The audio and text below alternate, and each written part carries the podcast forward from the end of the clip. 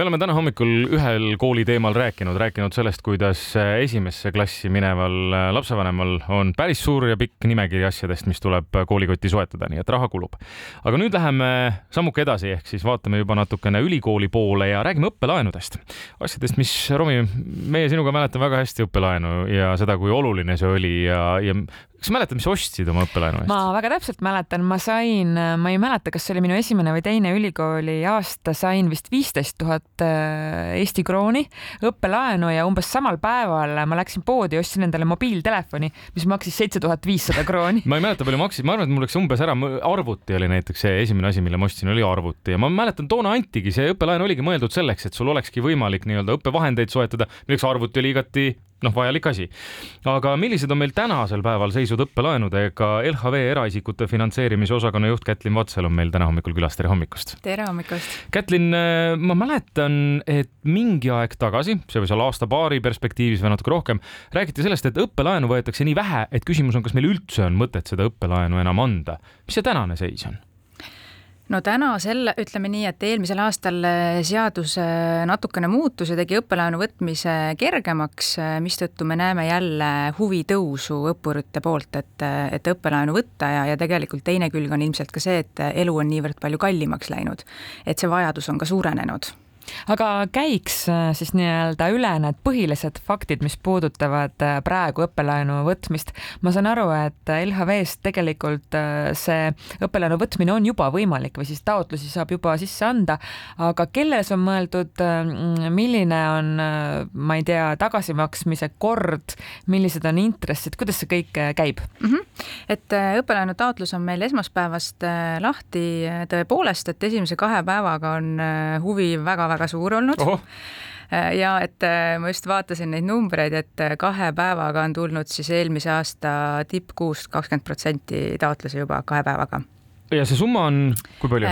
summa, maksimaalne summa on kolm tuhat eurot, mille riik on siis kehtestanud.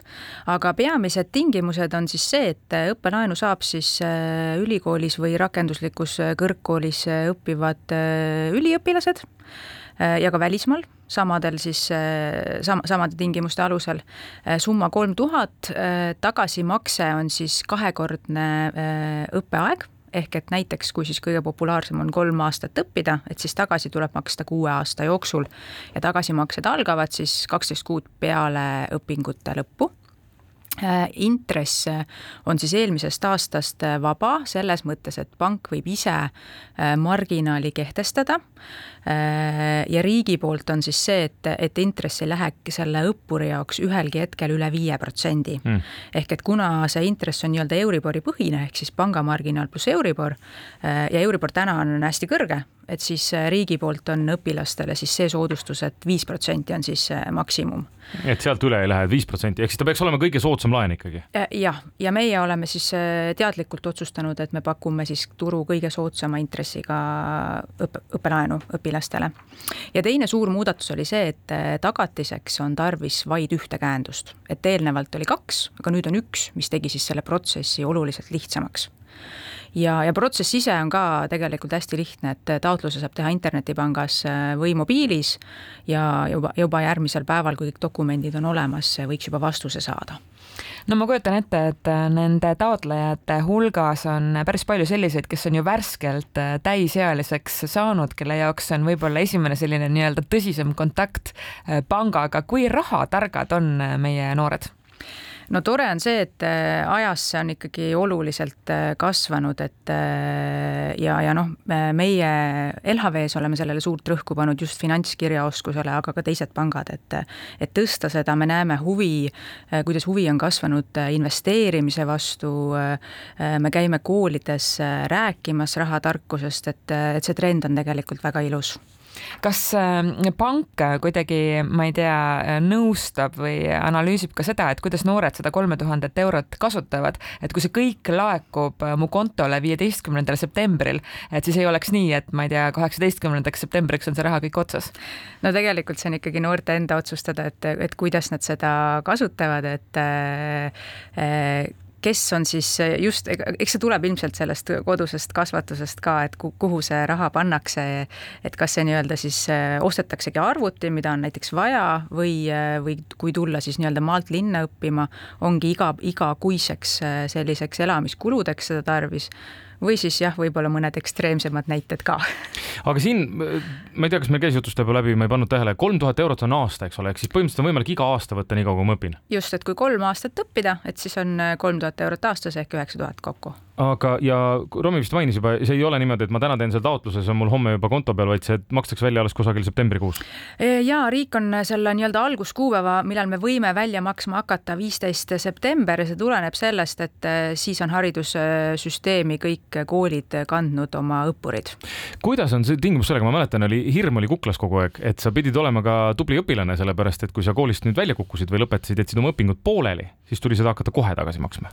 Eh, see on siis ikkagi kaheteist kuu jooksul peale selle õpingute lõppu lihtsalt see graafik läheb lühemaks mm., kui õppida vähem. nii et see oht ikkagi on, et tuleb olla tubli õppur ka tuleb olla tubli õppur ka, aga teiselt poolt, ega seda äh, ütleme nii, et noh, õpingud on tegelikult võivad olla ju päris pikad, et sõltub, mida siis õppima minna, kas sinna magister otsa teha.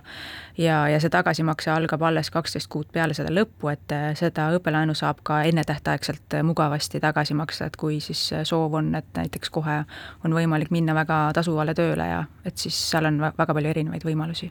no te mainisite, et LHV tahab olla kindlasti turul soodsaim õppelaenu pakkuja, aga mis on selle ähm, õppelaenu juures see, mis on atraktiivne panga jaoks, et kas see teie jaoks tähendab see sellist suurepärast võimalust, äh, kuidas siduda endaga selliseid tulevasi kõrgelt haritud äh, kliente? sest samal ajal ma korraks segan vahele, ma saan aru, et näiteks mõned pangad on ju loobunud juba õppelaenude andmisest. LHV ja Swedbank vist on ainsad, kes riiklikku õppelaenu Eestis annavad. täna küll, jah mm. -hmm.